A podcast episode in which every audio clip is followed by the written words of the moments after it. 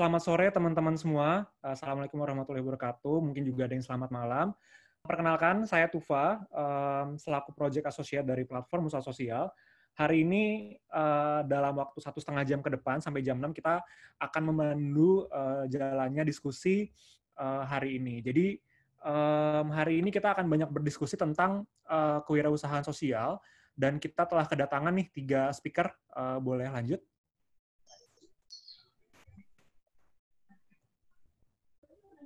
Oke, jadi kita uh, sudah kedatangan tiga speaker yang akan mungkin membahas uh, topik pada hari ini. Jadi kita akan membahas tentang mampukah sebenarnya usaha sosial itu dapat membawa dampak sekaligus keuntungan atau profit bagi uh, pelakunya.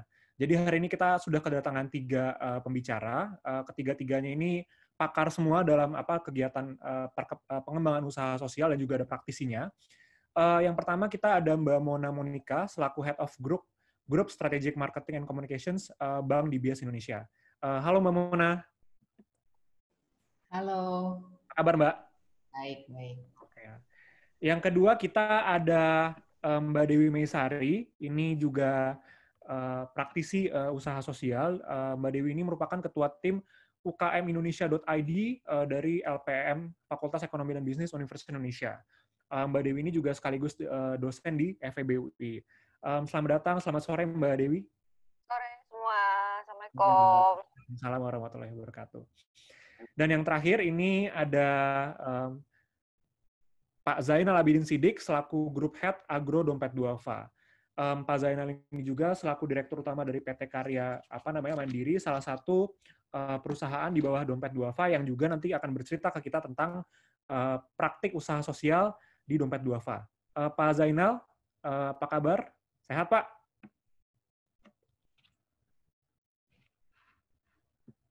Halo, Pak Zainal.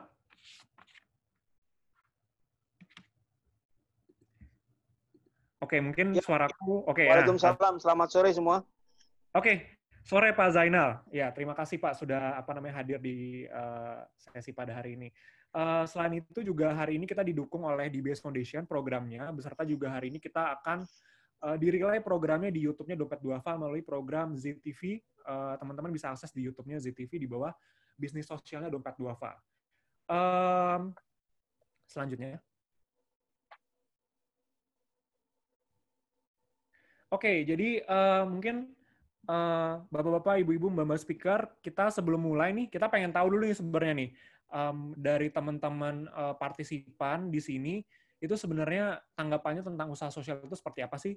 Jadi kita ada tiga pertanyaan mungkin yang bisa nanti uh, membantu juga diskusinya pada hari ini. Uh, teman-teman bisa isi.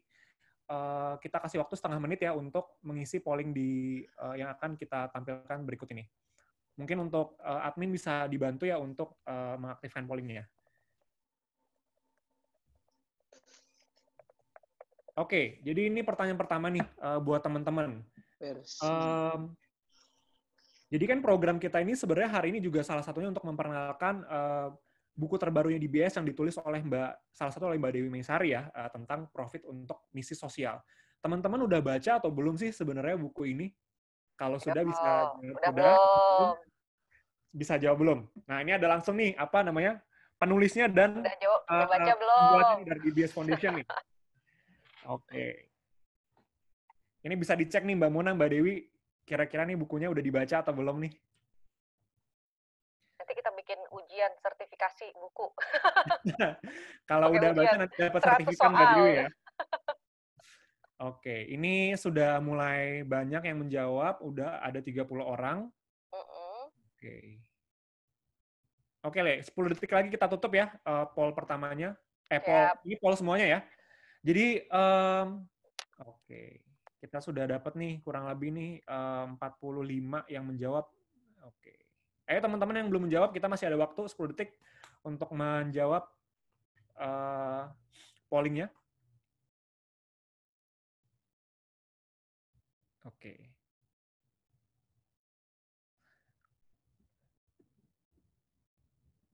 Oke, aku end pollingnya. Jadi, nah ini kita sudah dapat hasilnya ya, Mbak Dewi, Mbak Mona, Pak Zainal. Jadi mayoritas teman-teman ini sebenarnya belum baca nih bukunya. Jadi uh, mudah-mudahan nanti dengan uh, teman-teman mengikuti sesi pada hari ini, teman-teman bisa uh, sedikit tahu tentang uh, background bukunya. Jadi nanti abis diskusi ini teman-teman bisa mulai baca bukunya buat mulai apa namanya uh, menjalankan usaha sosial teman-teman seperti itu. Nah, yang kedua pertanyaannya ini adalah apakah menurut teman-teman usaha sosial ini dapat memberikan keuntungan dan kesejahteraan bagi pelakunya? Sesuai topik kita, um, teman-teman ini keren banget semuanya menjawab, ya teman-teman merasa bahwa usaha sosial ini dapat memberikan kesejahteraan. Mungkin nanti dari Pak Zainal, Mbak Mona, Mbak Dewi bisa cerita lebih banyak ya. Uh, kenapa sih sebenarnya usaha sosial itu dapat memberikan kesejahteraan bagi para pelakunya? Nah, yang ketiga ini mayoritas ini masih 50-50 ya. Uh, 68% itu belum menjalankan usaha sosial dan 32% ini sudah menjalankan usaha sosial. Jadi harapannya nanti setelah mungkin baca bukunya, dengerin Mbak Dewi, Mbak Mona, dan Pak Zainal, nanti teman-teman terinspirasi nih buat uh, mendirikan usaha sosial gitu. Oke, jadi um, terima kasih teman-teman sudah menjawab pollingnya. Um, untuk mempersingkat waktu, um, pembicara pertama ini ada Mbak Monika, Mbak Mona Monika, uh, atau biasa kita panggil Mbak Mona. Mbak Mona ini uh, sekarang tadi sudah aku jelaskan sebagai Head of Group Strategic Marketing and Communications DBS Indonesia. Jadi DBS ini salah satu apa namanya stakeholders uh, yang mempresent menginisiasi untuk menciptakan buku terbarunya yaitu uh, Profit untuk Misi Sosial. Uh, buku ini merupakan buku penerus dari uh, buku pertama ya Mbak Mona yaitu buku Berani Menjadi Wirausaha Sosial yang diterbitkan sama DBS juga tahun 2015. Jadi ini buku yang sudah dikembangkan, semoga juga nanti teman-teman bisa apa ya mendapatkan insight baru nih dari buku barunya DBS dan web, uh, web uh, apa namanya UKM uh, si FEB UI. Um, Mbak Mona, suaraku kedengeran ya? Kedengeran. Oke, okay. uh, Mbak Mona, uh, aku persilakan saja langsung ke Mbak Mona, mungkin bisa menjelaskan sedikit uh, tentang DBS Foundation dan juga program-programnya dan kenapa sih sebenarnya DBS ini uh, menginisiasi pem, apa penulisan buku profit untuk misi usaha sosial ini. Silakan Mbak Mona. Oke, tapi ini kamu belum take out polling masih ada di screen. Masih ada di screen saya ya.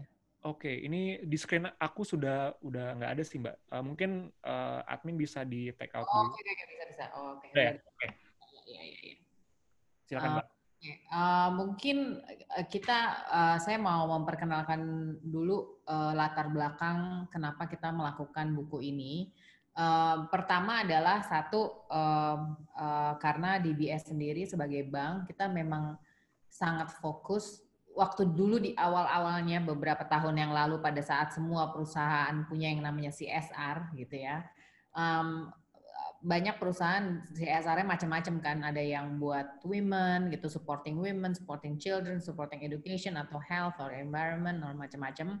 Tapi uh, basically uh, di DBS we are very very much focused on our DBS Foundation itu very very much focus on menumbuh kembangkan wirausaha sosial gitu. Jadi kita nggak melakukan hal-hal yang lain gitu. Jadi Um, uh, why? Uh, karena satu, boleh saya minta slide saya di di iniin? Uh, bukan itu ya. Tadi saya udah pilih. Ya, next. Oke. Okay. Um, jadi bukan bukan yang tadi benar.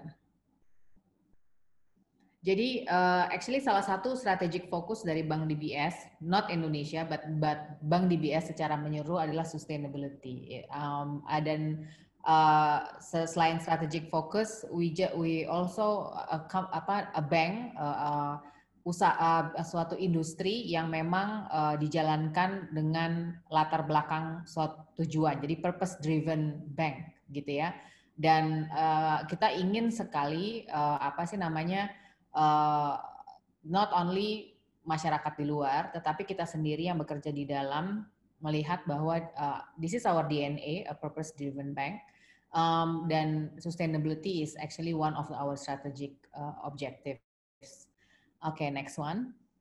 Di dalam sustainability itu tersebut kita punya pillars. Jadi kita ada bagi tiga gitu ya. Jadi ada yang namanya responsible banking, responsible business practice, dan creating social impact. Um, untuk uh, responsible banking, basically this is all about businesses, uh, bagaimana kita menjalankan bisnis kita.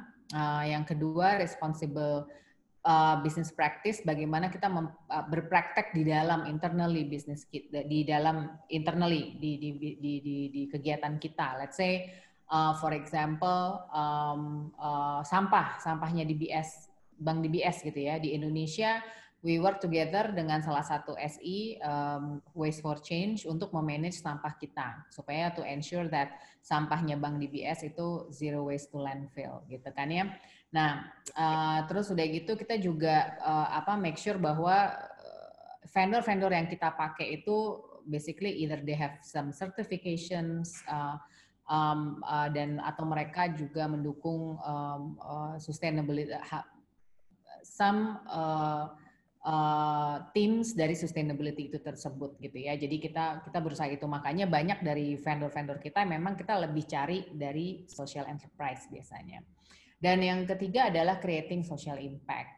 Nah, kita punya yang namanya DBS Foundation. Uh, DBS Foundation itu uh, yang menaungi uh, bertumbuh kembangnya tujuan kita untuk menumbuh kembangkan um, uh, wirausaha sosial. Satu lagi people of purpose di sini di mana kita berusaha menjadi bank yang secara aktif melakukan banyak um, ini apa namanya uh, banyak kegiatan volunteering. Oke, okay, uh, next one, I think bukan itu. Uh, saya udah pilih sebenarnya tadi uh, slide 7 ya. Slide 7. Next, ya. Yeah. Oke, okay, uh, di sini ini eh bukan ini ini dia. Jadi ini basic how we work. Uh, kita uh, kita bagi tiga cara kerja kita: advocate, nurture, dan integrate. Um, apa namanya advocate? Nah, uh, buku ini tersebut masuk di dalam advocate, di mana kita sebagai perusahaan yang mendukung pertumbuh kembangannya wirausaha sosial, we need to make sure bahwa not only kita kayak promo-promo, oh Wirsos ada Wirsos A, ada Wirsos B, uh, kegunaannya A, kegunaannya B. Tetapi we also want to uh, people to to to understand more mengenai apa sih sebenarnya wirausaha sosial tersebut. Uh, unlike di negara-negara maju seperti Eropa di Eropa, negara di Eropa atau Amerika atau um, let's say Singapura aja gitu ya. Uh, mungkin Dewi bisa uh, apa mempertegas uh, ini ini Eh, di Indonesia sendiri uh, familiarisasi terhadap wirausaha sosial tidak sepopuler di negara-negara maju gitu ya, di mana mereka sudah cukup sadar gitu bahwa pentingnya wirausaha sosial sebagai not only sebagai bagian dari pertumbuhan ekonomi mereka, tetapi juga sebagai bagian dari uh, uh, uh, yang mem mem memberikan dampak positif terhadap sosial. Um, uh, dan makanya di advocate selain we help promoting wirausaha sosial, we uh, we help um, uh, promoting the content of uh, uh, benefit dari wirausaha sosial tersebut. Tetapi we want uh, masyarakat secara umum to understand secara deeply apakah wirausaha sosial itu contohnya seperti apa, kegunaannya bagaimana. Kalau saya tertarik, kalau saya tertarik dengan misi dan tertarik dengan dampak sosial yang mereka create, bagaimana saya bisa membangun suatu wirausaha sosial.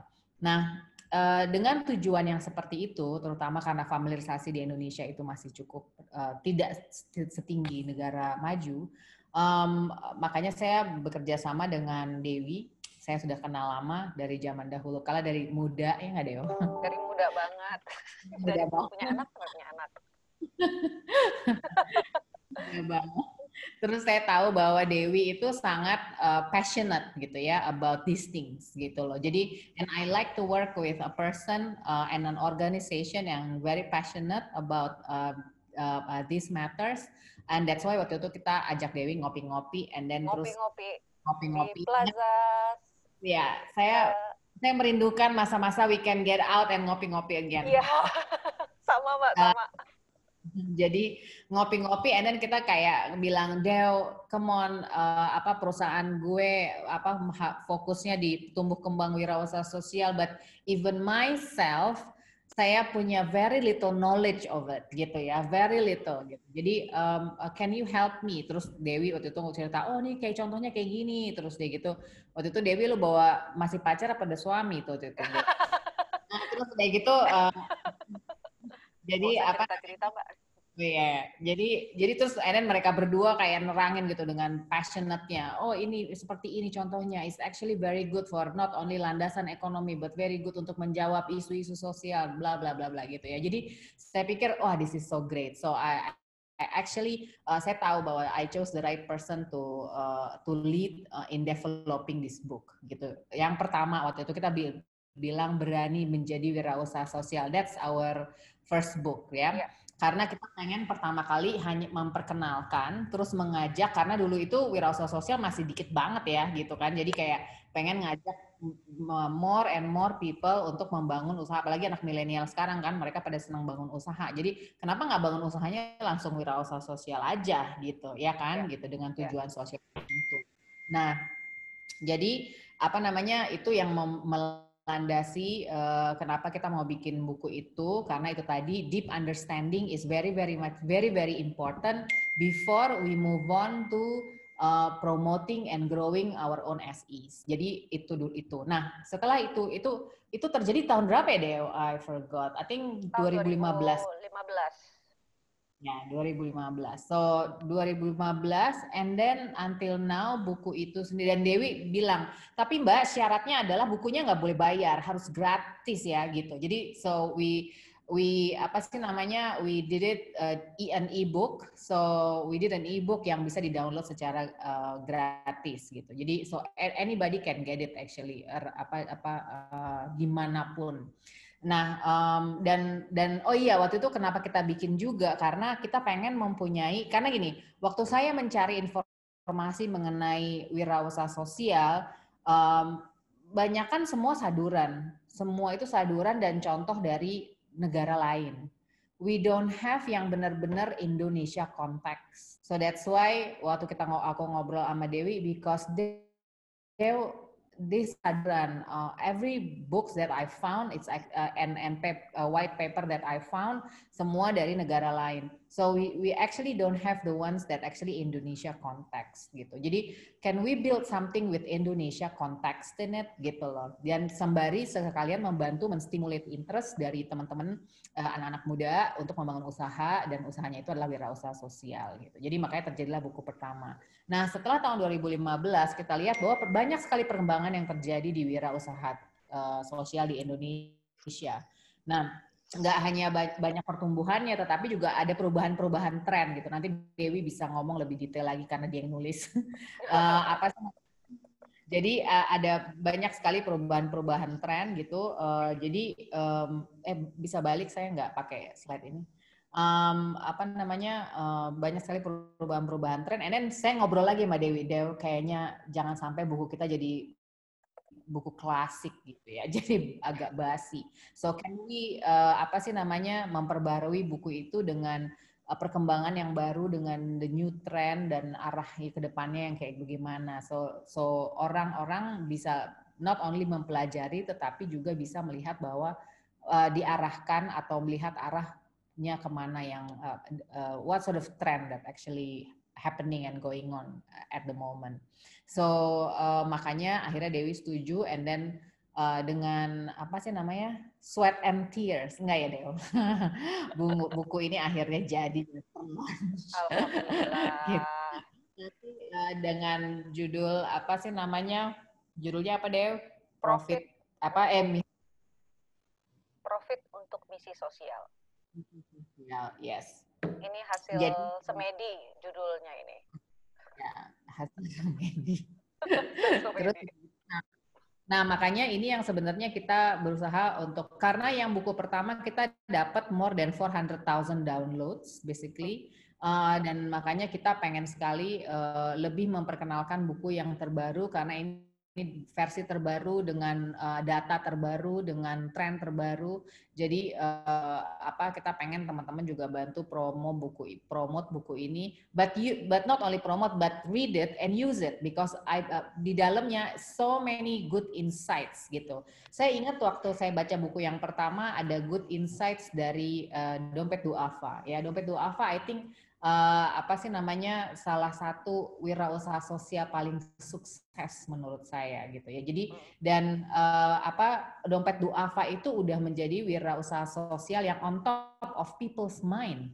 gitu. Whether they know itu wirausaha sosial or not, but actually the organization itself is already on top of people's mind. So alangkah bagusnya kalau kita bisa terinspirasi gitu ya dari dompet duafa dan kita membangun usaha atau kita aktif di dalam usaha sosial yang at the end of the day it becomes on top of people's mind. So I think uh, apa namanya uh, satu yang melatar belakangi adalah itu dan yang salah satu yang menginspirasi saya adalah itu makanya sekarang ada apa Pak Zainal ikutan di sini um, uh, sangat inspiratif actually um, uh, dompet duafa It's untuk contoh uh, dalam negeri gitu ya untuk contoh luar negerinya nanti Dewi juga mungkin bisa share. Iya. Mm -mm. Itu kepanjangan ya ngomong gue maaf ya. Nggak kok mbak. Tapi seru, Mbak. Tapi seru. Seru-seru mbak. Kita jadi dapat gambaran ya uh, apa namanya buat audiens. Kenapa Saya sih? juga pernah bantu DBS dengan teman-teman yang di mentoring loh. Oh, Oke, mantap. Iya, Mantap. men- mentoring. Ya. Iya, jadi itu ba- basically bagian dari advocate kita di nurture sendiri biasanya kita sudah work dengan wirausaha sosial itself dari yang berbagai level gitu ya level mula pemula level ideation level prototype kalau integrate sendiri adalah sebenarnya it's walk walk the talk jadi sebagai us- pa- apa usaha industri sebagai bank kita nggak cuma tok tok tok tok tok but we need to walk walk walk right gitu loh jadi Hmm. kayak oh wirausaha sosial penting ini ini bagus dipakai gitu segala macam. Uh, tapi and then we don't use it gitu loh. Nah makanya uh, integrate di sini adalah bagaimana wirausaha sosial itu sendiri menjadi bagian dari bank DBS. Contohnya adalah gini, bank itu adalah highly audited uh, organization, very highly audited ya. Uh, uh, kayak misalnya untuk pemilihan vendor saja gitu ya. Kalau nggak lewat kayak uh, apa pitching yang panjang dan susah dengan negosiasi yang wah berlapis-lapis gitu ya. Sampai approval yang berlapis-lapis uh, it's hard for us to actually find uh, apa apa to just select a vendor gitu. Misalnya hanya untuk produksi let's say saya mau produksi kalender gitu misalnya nah uh, apa namanya kita akan through lengthy process uh, in order to find vendor according to our policies gitu ya.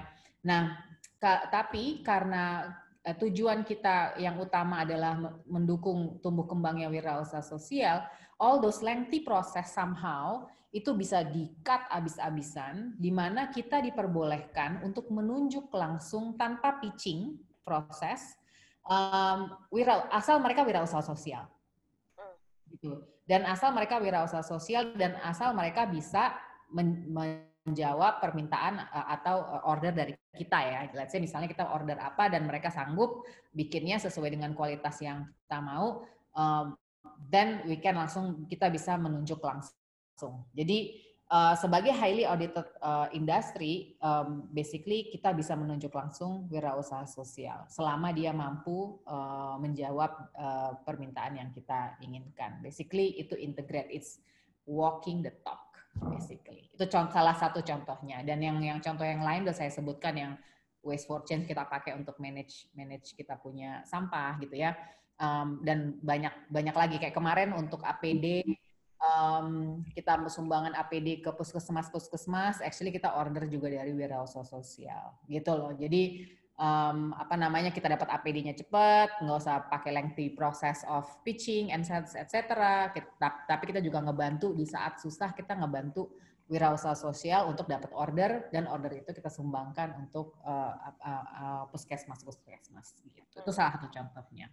Kira-kira sih begitu ya.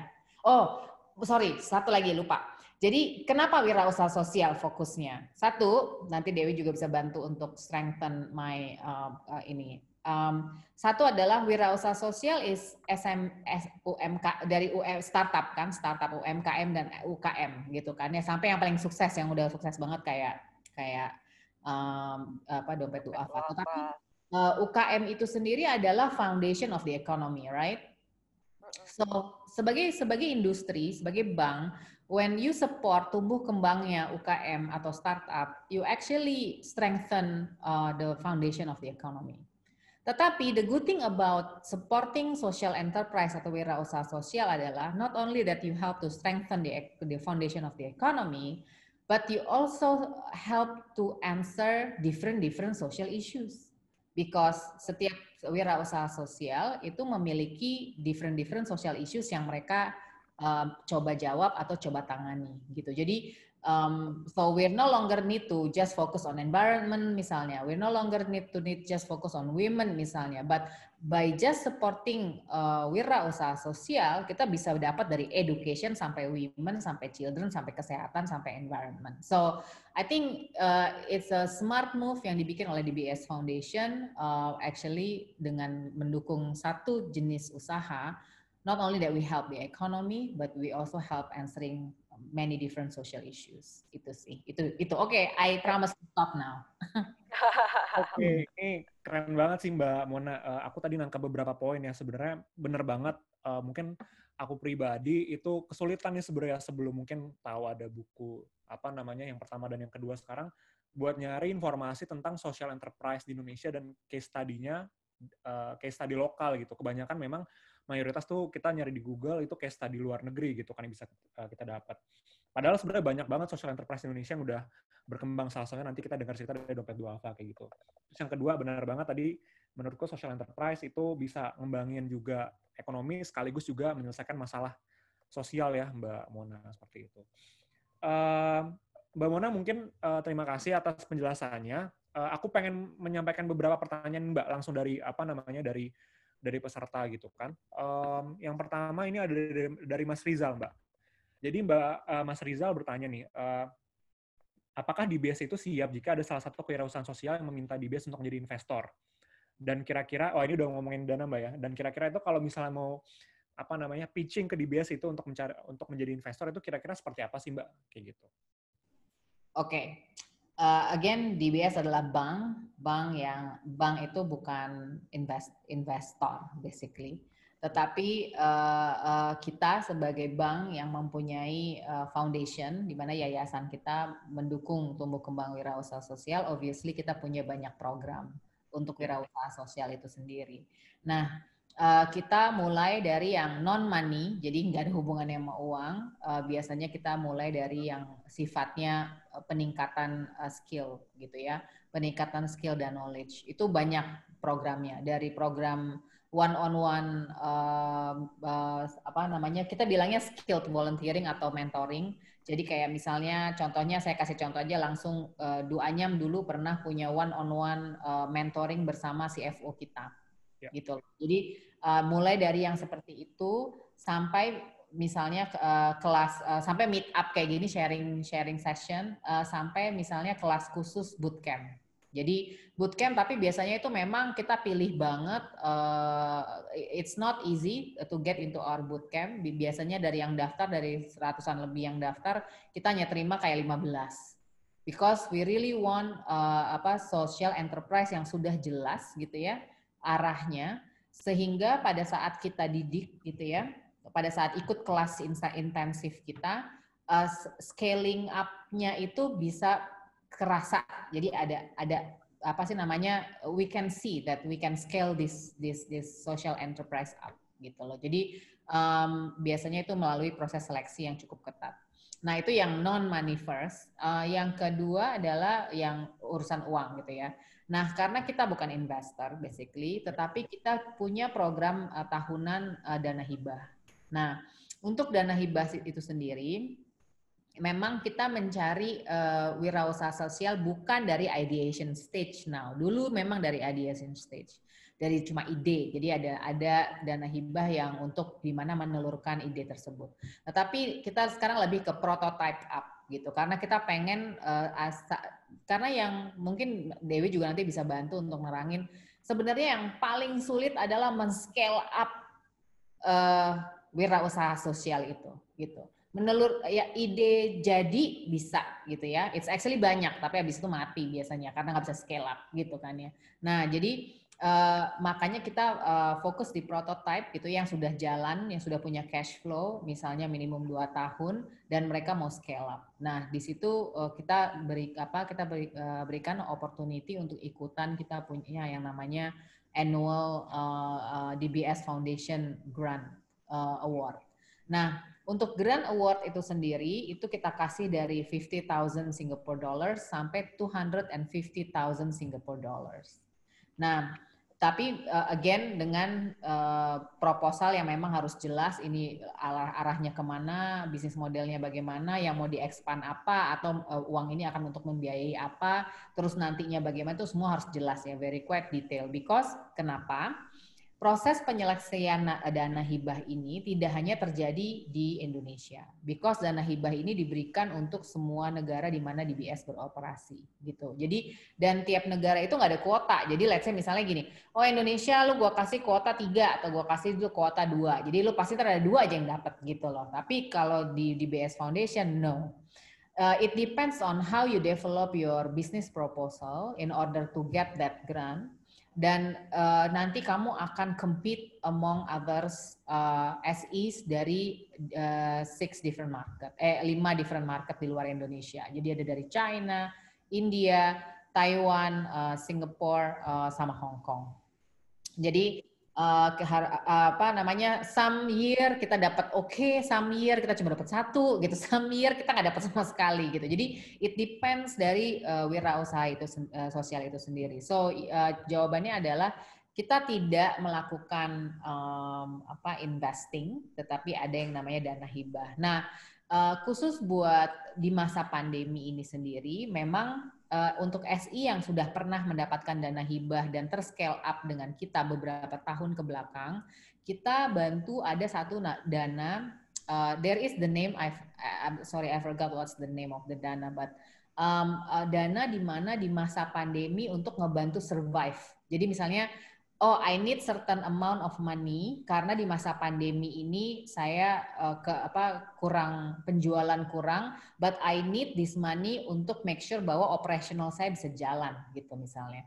Nah, actually we give that that that that itu hibah juga. We give it we give that that amount of money tetapi memang itu kita berikan kepada uh, social enterprise social enterprise yang uh, apa namanya yang sudah uh, pernah uh, mendapatkan um, apa namanya uh, ini um, grant dari kita.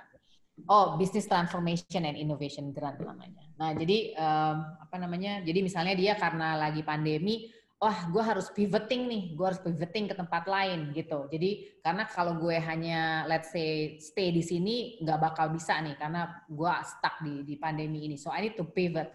Nah pivot itu kan butuh biaya ya gitu. Hmm. Nah actually this year we give that out, but we give that out to the ones who already work with us, to the ones that already uh, awarded uh, grant karena kita udah lihat mereka punya bisnis geraknya seperti apa, scalingnya seperti apa, so kita udah lihat. Jadi so we feel confident to actually to give that such a amount of money for them to to do a pivoting gitu. Oke, okay, um, Mbak Mona, terima kasih atas jawabannya. Tadi mungkin yang aku bisa highlight adalah um, yang pertama di biasanya menyediakan ini, Mbak ya. Maksudnya dia karena bukan investor juga, tapi fokusnya di bisnis adalah pengembangan dari skills and uh, apa namanya kemampuan uh, apa namanya pelaku wirausaha sosial lah ya intinya untuk bisa mengembangkan bisnisnya. Jadi nanti mungkin Mas Rizal bisa join di program-program DBS yang uh, memang khususnya buat pengembangan skills dan mentoring gitu. Uh, tapi juga mungkin yang perlu diingat adalah uh, Mas Rizal butuh mungkin apa namanya menyusun bisnisnya supaya bisa apa ya uh, ini mbak ya berkualitas supaya bisa dapat apa hibah tadi mbak ya uh, dari DBS itu sendiri. Jadi uh, mungkin uh, itu yang bisa sekarang dipikirkan sama Mas Rizal untuk apa namanya memperkuat lini bisnisnya supaya bisa dapat hibah atau mungkin tadi pendampingan dari DBS Foundation seperti itu.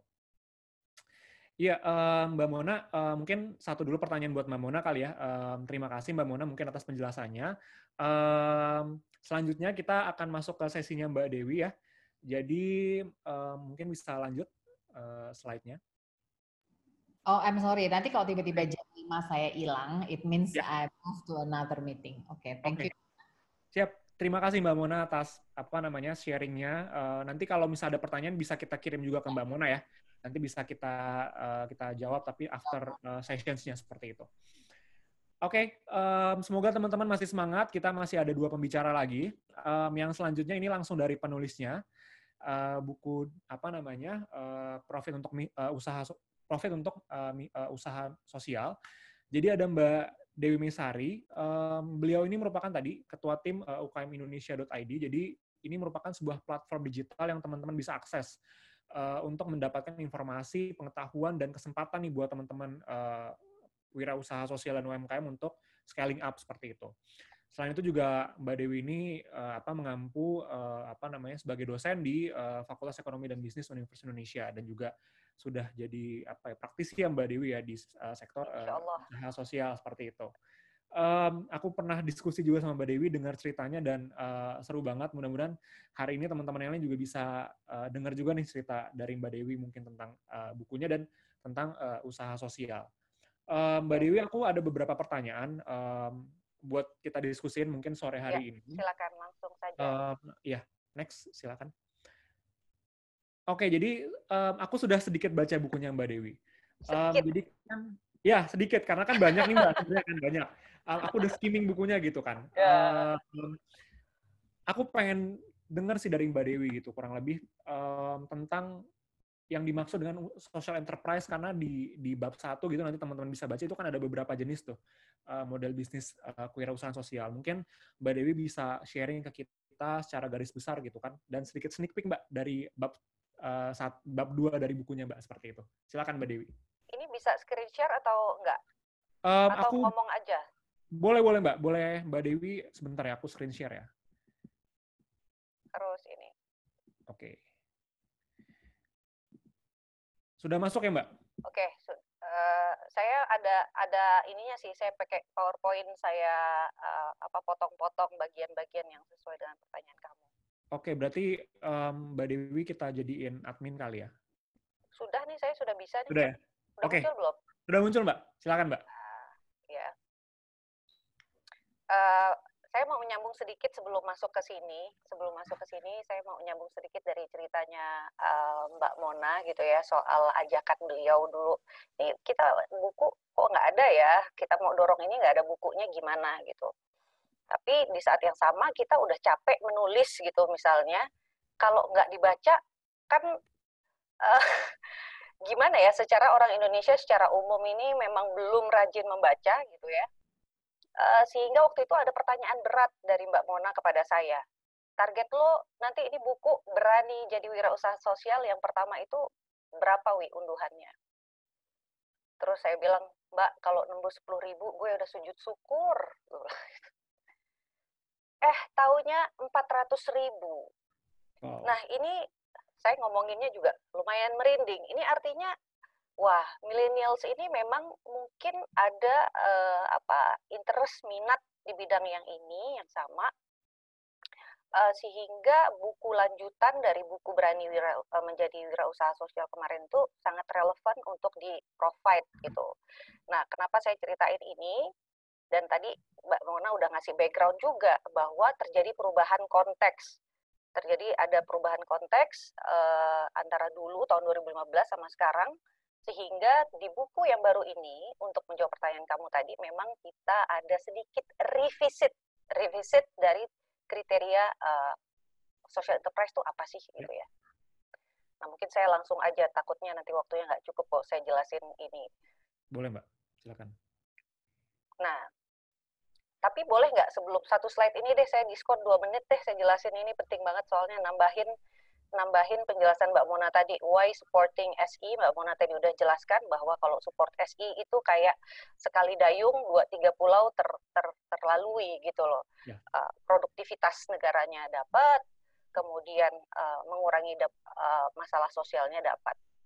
Nah, tapi yang pengen saya tambahkan lagi dari penjelasan Mbak Mona tadi adalah why sih SI gitu, kenapa social enterprise?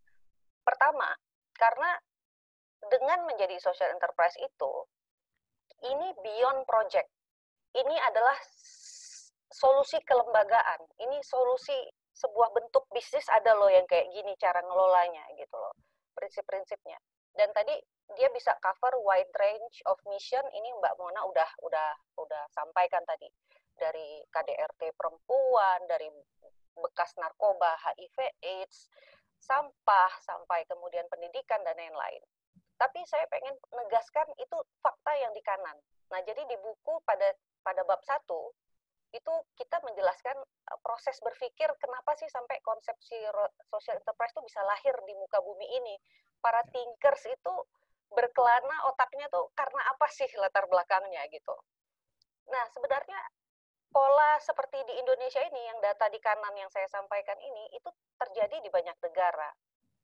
Banyak orang bilang, aduh kemiskinan masih banyak, aduh uh, sampah masih kotor, pemerintah sih nggak beres, oh uh, apa kurang LSM-nya kurang kali ini, kurang kreatif LSM-nya nih gitu. Apa yayasannya juga kurang kreatif kali ini gitu. Nah, masalahnya faktanya dari 15.000 triliunan per tahun bumi Indonesia ini menghasilkan uang. Jadi orang Indonesia dari tukang bakso sampai bank seperti DBS dan macam-macam ada aktivitas ekonomi, kita semua menghasilkan pendapatan, digabung total uang itu adalah 15 ribuan triliun per tahun. Hmm. Nah, tahu uang ini berasal dari mana? 56% itu dari konsumen, dari belanja, dari kita belanja. Kontribusi dari yayasan dan lembaga sosial itu 206 triliun saja, alias 1,8 persen aja.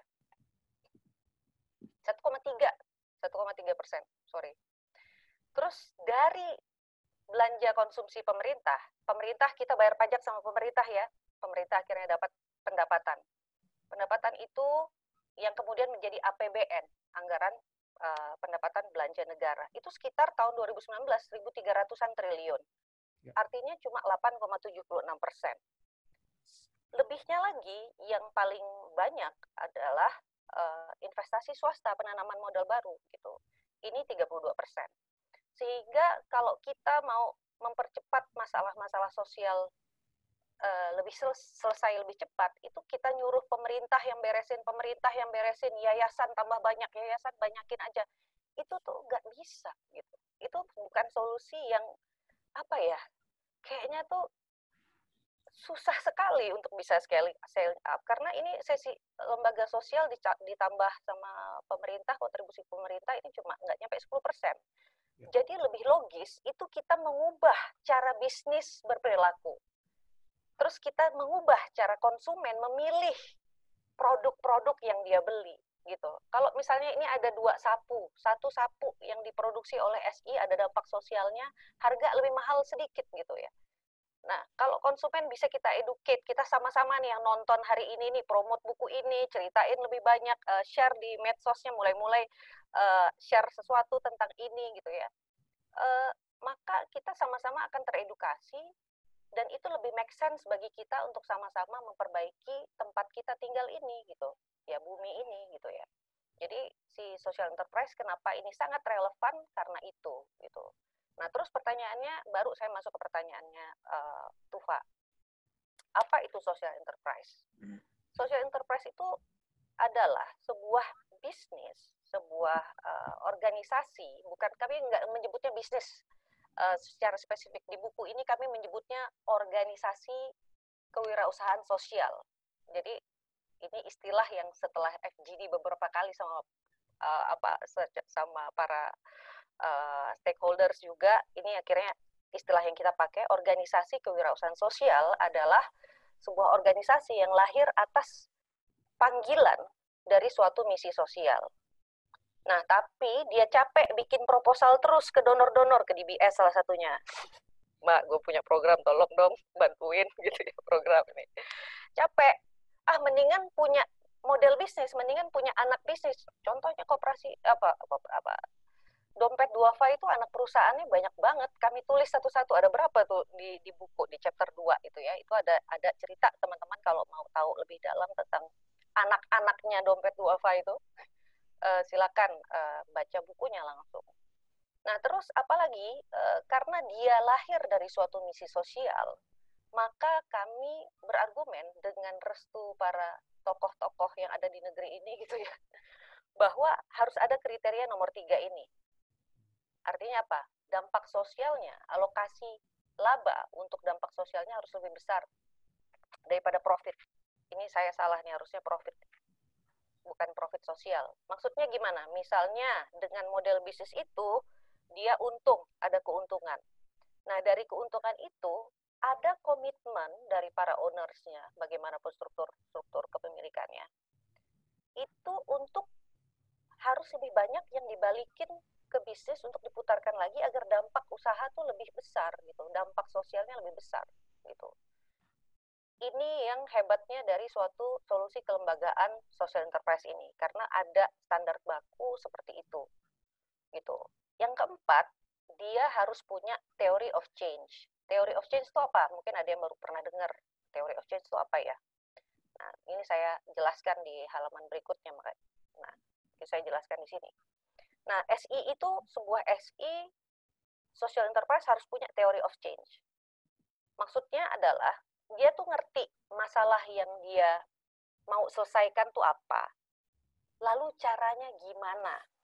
Bagi teman-teman yang baru mau mulai gitu ya, karena beberapa tadi 60% ya di polling awal belum belum mulai ya, baru mau mulai gitu ya cari inspirasi. Baru mulai 68%, Mbak. Kamu latihkan kalimat ini nih.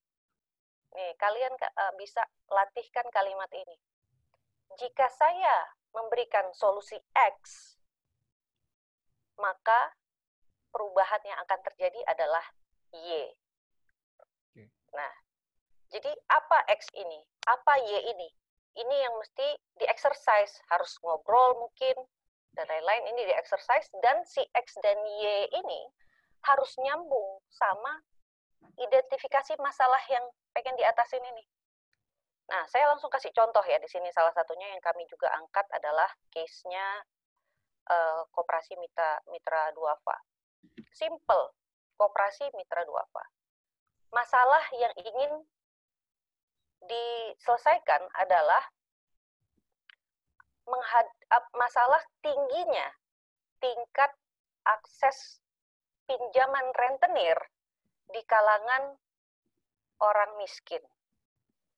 Nah, jadi orang miskin ini kan nggak layak masuk bank gitu, tapi mereka selalu butuh pinjaman. Nah, pinjaman yang available buat mereka itu hanya rentenir. Rentenir bunganya bisa 10%, 20% sebulan. Ya kan? Jadinya ini gimana supaya bisa uh, putus? Maka solusi yang dihadirkan oleh Komida adalah pinjaman, akses terhadap layanan keuangan, bukan hanya pinjaman. Layanan keuangan yang tidak membutuhkan agunan fisik, namanya juga orang miskin, masa dimintain jaminan motor lu mana? Motor aja kagak punya, apanya yang mau dijaminin gitu kan ya. Nah, jadi layanan keuangan tanpa agunan fisik dengan tarif yang fair, dengan tarif biaya jasa yang fair gitu ya maka perubahan yang akan terjadi adalah Y-nya, Y-nya orang miskin jadi bisa menabung. Nah, simple ya teman-teman. Jadi kalau misalnya udah ideasnya itu tuh udah lebih terpola, Anda akan bisa menjelaskan diri Anda, SI Anda. Nggak perlu satu menit, 15 detik aja udah jelas. Gitu. Jadi, eh, Makanya sebuah SI itu harus punya theory of change. Ini bukti, kalimat sependek itu adalah bukti mereka sudah memikirkan suatu masalah bermalam-malam. Sehingga sampai akhirnya bisa merumuskan suatu theory of change yang simple tapi bunyi gitu. Nah, jadi kayak tadi, Komida membuktikan itu gitu. Sebelumnya orang miskin di kantong-kantong mereka 700 ribu orang miskin yang sudah dibantu oleh Komida tadinya bayar 20% sebulan untuk uh, ke rentenir. Setelah ada komida, jadi cuma 1 sampai satu setengah persen doang se sebulan. Akhirnya apa? Dari aktivitas uh, bisnisnya orang miskin ini, orang miskin kan kebanyakan usaha sendiri ya, usaha sendiri. 98% orang miskin itu aktif bekerja menghasilkan pendapatan. Nah, jadi uh, dari situ akhirnya si miskin orang-orang bottom of pyramid teman-teman kita saudara kita yang di bawah itu jadi oh tadinya biasanya duit habis habis aja buat bayar bunga 20% se sebulan. Sekarang jadi tinggal satu persen bayarnya. Jadi selalu, mulai mereka merasakan ada sisa uang setiap bulan. Sekarang dana tabungan dari teman-teman mitra duafa di Komida itu lebih dari 300 miliar dan Komida berhasil membuktikan bahwa si miskin itu ketika kita bantu akses pinjaman yang fair, lepaskan mereka dari jeratan rentenir, mereka bisa nabung. Dengan mereka bisa nabung, mereka bisa perlahan mengakumulasi aset, dan Y berikutnya, dampak jangka panjangnya. Nah, teori of change itu harus ada outputnya jangka pendek, outcome-nya jangka menengah, impact-nya jangka panjang. Jangka panjangnya adalah teman-teman si miskin itu bisa mengakumulasi aset dari tabungan mulai bisa mengakumulasi aset karena dia nabung sehingga suatu saat dia bisa keluar dari kemiskinan secara permanen. Jadi bukan sebentar ada pendapatan nggak miskin, habis itu bapak sakit miskin lagi. Nah gitu. Nah jadinya itu adalah salah satu kriteria SI. Mudah-mudahan menjawab ya Tufa ya. Yeah. Karena poin keempatnya itu uh, punya teori of change ini, jadi saya ngerasa harus ngejelasin sedikit teori teori of change gitu. Okay, Mbak. Nah ini uh, hasil rev revisit kita di buku yang sekarang. Yeah. Dulu di buku yang pertama seperti ini, itu di kiri sebelahnya, gitu.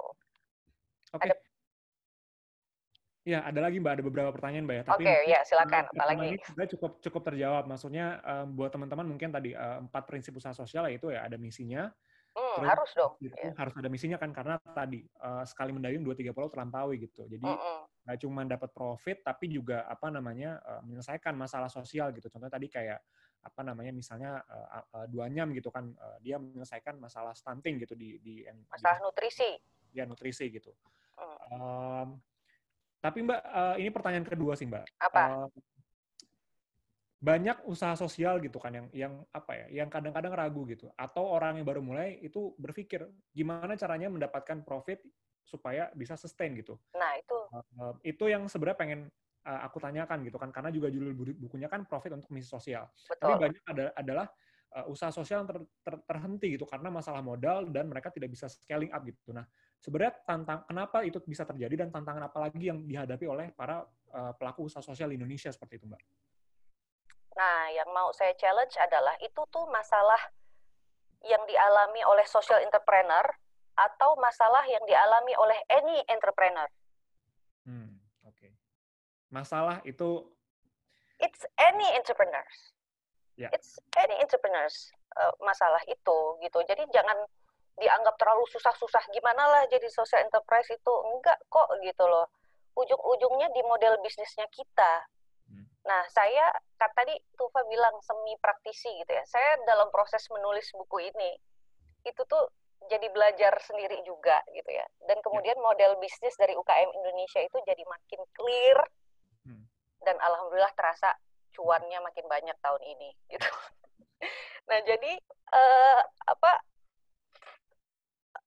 uh, apa dari buku ini profit untuk misi sosial itu sebenarnya pengen menunjukkan bahwa waktu di buku Berani Wirausaha Sosial yang pertama ini kita ada satu ada satu bagian. Ini gara-gara virtual background nggak kelihatan. Ya udahlah. Ya ada satu bagian kita membahas tentang fenomena adanya trade off misi sosial dulu atau profit dulu gitu. Ya, ya. nah setelah kita belajar melihat model-model yang lain praktisi selama model bisnis yang kita temu uh, yang kita susun itu betul maka goodbye dilema. Nggak ada dilema. Okay. jadi uh, karena saya jelasin ya di sini ya. Saya eh, jelasin eh, di sini. jadi di buku itu kita menjelaskan ada beberapa tipe uh, social enterprise berdasarkan status dari komunitas beneficiariesnya. Nah, di sini ada model bisnisnya gitu ya model bisnis di sini. Uh, nanti untuk lebih lanjut teman-teman baca sendiri ya gitu. Ciri khas dari social enterprise itu di bagian customer segmentnya dia itu ada dua. Ada customer customer itu yang bayar yang beli produknya.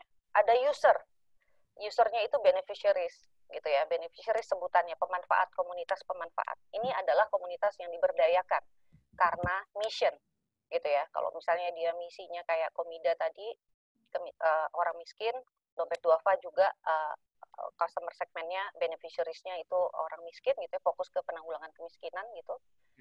Uh, maka uh, di sini beneficiariesnya berarti orang miskin gitu.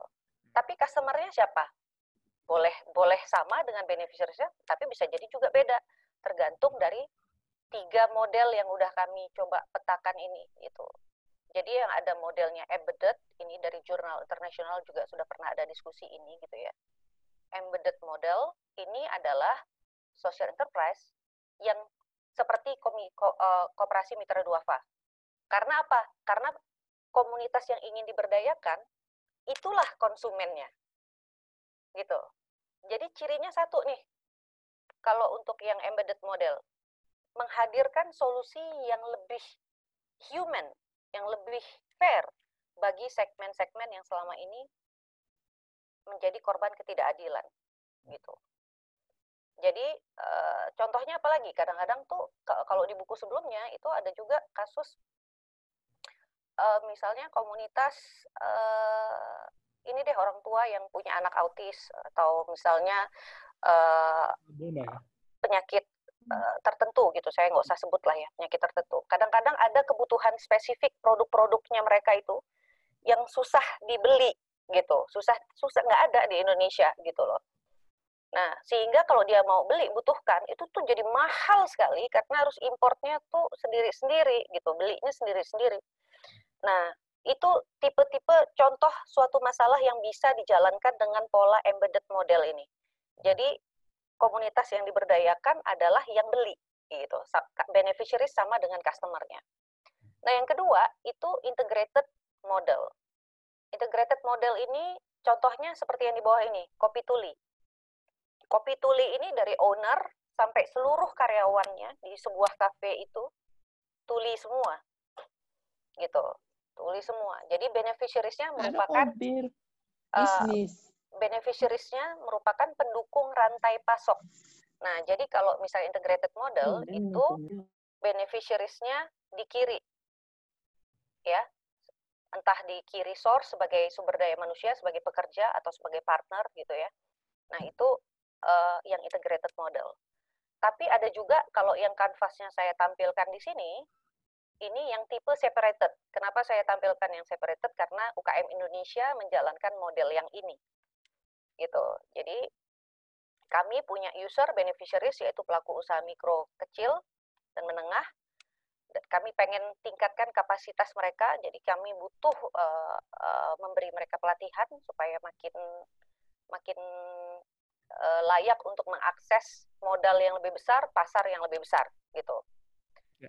Nah, dengan kejelasan kurikulum, kejelasan program yang kami miliki, kami kemudian menyusun proposal kepada customer, klien. Siapa nih klien yang butuh program CSR yang keren? Korporasi. Nah, ya. jadi eh, kenapa kami pilih ini? Saya pilih ini karena UKM Indonesia termasuk yang menjalankan model bisnis separated ini gitu. Ya. Jadi eh, it, it is quite clear gitu ya, quite clear. Jadi kalau separated model itu yang menerima manfaat beda dengan yang membayar. Nah, hmm. jadi jadi ibaratnya saya kalau ke corporate saya ngomong, e, kamu mau uang kamu impactful nggak? Yeah. Kalau mau sama kami aja gitu. We have a clear plan. What what do you want gitu. Nah tapi kalau misalnya ke UKM, kamu mau naik kelas nggak? Mau naik kelas nggak? Suatu saat mau bisa ekspor nggak? Suatu saat mau bisa uh, dapat modal lebih dari 500 juta nggak gitu? Nah kalau mau ikuti pelatihan ini, pelatihan ini, pelatihan ini, pelatihan ini. Jadi uh, semacam itu. Nah, jadinya uh, saya pikir untuk mudah-mudahan menjawab pertanyaan uh, Tufa. Ya. Jadi kalau udah jelas nih apa yang ditawarkan ke beneficiaries, apa yang ditawarkan ke customer, apakah teman-teman tuh embedded model, integrated model sampai sampai separated model gitu ya. Ya, model bisnisnya jalan like any other business. Jadinya social enterprise tuh like any other business kuncinya di model bisnis startup teknologi maupun bisnis. UKM biasa itu akan sama gitu. Bedanya cuma di sini aja. Yang penting tuh ide apa model bisnisnya clear gitu. Nah kalau yang di kopi tuli ini mereka jagonya kalau boleh saya tambah sedikit aja jagonya mereka itu dia bikin konsep kafenya itu 100% tuli banget gitu. Hmm. jadi kalau misalnya kita masuk ke kafe lain ada musik, ada wifi gitu ya. Kalau di sini nggak ada sama sekali. Wifi juga nggak ada. Wifi juga nggak ada. Yang ada cuma buku jari-jari tuli. language ya. Uh, Buat- hand language. Ya. Hand language ditaruh di meja-meja atau ditempel di dinding mereka. Nah, karena jago melahirkan layanan value proposition keunikan, keunikan yang ada di value proposition itu, ketulian mereka itu bukan menjadi sumber orang kasihan, enggak, tapi justru jadi alasan orang datang. Ya. Kenapa? Orang pengen kafe yang beda. Orang pengen kalau saya ke kafe tuli nuansanya beda banget gitu Oke. benar-benar dapat heningnya, terus dapat empatinya, bawa pulang lebih mikir. Nah, seperti itu. Jadinya eh, how you position ini sebenarnya mirip-mirip aja sama any business gitu loh. Itu aja kunci bedanya ada beneficiaries. Karena social enterprise eh, lahir dari sebuah misi. Jadi dia pasti harus punya beneficiaries ini. Bukan hanya punya customer. Kalau di bisnis model bisnis biasa punyanya customer sama user gitu. Hmm. Itu, Oke. Tufa. Makasih. Oke Mbak Dewi, Em, makasih banget ini sebenarnya udah ini tadi mencakup sebenarnya pertanyaan-pertanyaanku yang selanjutnya sih Mbak. Eh, Hmm, alhamdulillah kalau gitu. dan triknya sebenarnya intinya adalah memastikan bahwa em, kanvas bisnis kita dan teori of change kita jelas Mbak ya karena eh, apa namanya supaya bisa kita tahu nanti ujungnya itu seperti apa, end goalsnya seperti apa dan nanti proses kita untuk mencapai ke sana itu seperti apa gitu agar logis Mbak ya. Ya, betul. Eh, mungkin aku sedikit satu pertanyaan mungkin Mbak Dewi bisa jawab singkat gitu kan. Eh, Mm-mm. terkait dengan ini Mbak, kadang-kadang banyak eh, usaha sosial, ini juga ada dibahas di bukunya Mbak, tentang akses sumber daya yang sesuai gitu. Iya. Mungkin terbatas masalah SDM lah, atau SDA, atau bahkan eh, modal. Which is itu juga masalah bisnis apa pun. Terus, Ya, itu masalah bisnis apa pun. Mm-mm. Em, tapi em, usaha sosial ini kan merupakan apa ya konsep yang mungkin baru di Indonesia ya. Mungkin sudah lama, cuman baru eksis beberapa tahun terakhir gitu. Hmm. Gimana sih cara meyakinkan gitu kan stakeholder lain bahwa memang usaha sosial ini adalah bisnis yang eh, sebenarnya mumpuni gitu untuk mendapatkan keuntungan juga, tapi juga bisa mem- apa ya, memberikan dampak gitu ke masyarakat atau komunitas. oke, siap. Saya jawab singkat ya. Hmm. Bikin bisnis biasa susah atau gampang? Susah juga Mbak, Susah kan? susah juga. Berarti bikin social enterprise itu susah banget. Gitu. Nah, itu udah susah banget.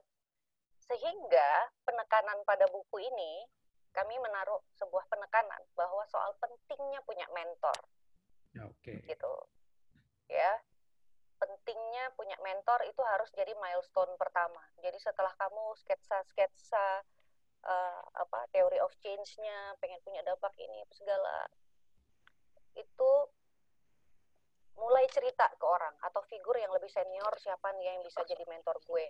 Nah kalau kayak saya sekarang juga eh, kalau teori of change-nya nggak jelas ya apalagi Bang Jay ya yang lebih sibuk begitu gitu ya dibanding saya Eh, kalau teori of change ngejelasin dirimu siapa dalam 15 detik, 20 detik aja belum belum jelas masih buyar gampang gampang ke mana pasti nggak dapat mentor deh. Nggak ada mentor yang mau gitu.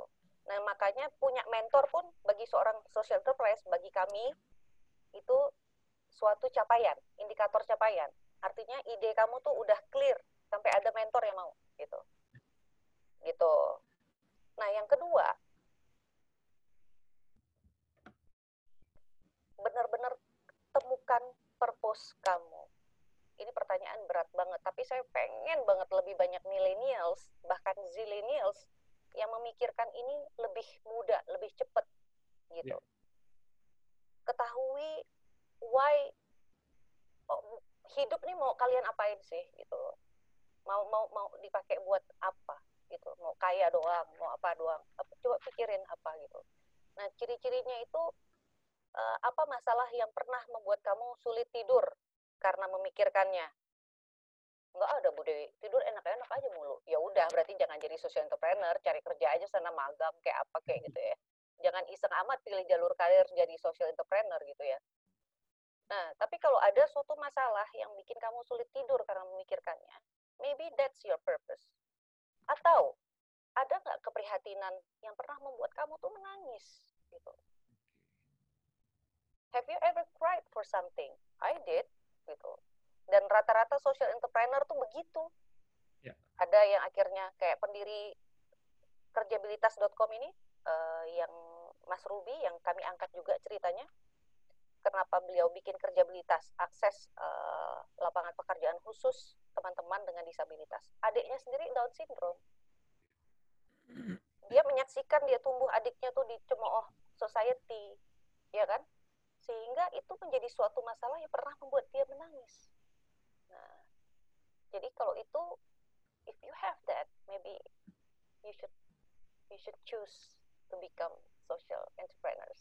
Dan jangan lupa, supaya clear, supaya dapat mentor, ya baca dulu bukunya. Oke. okay.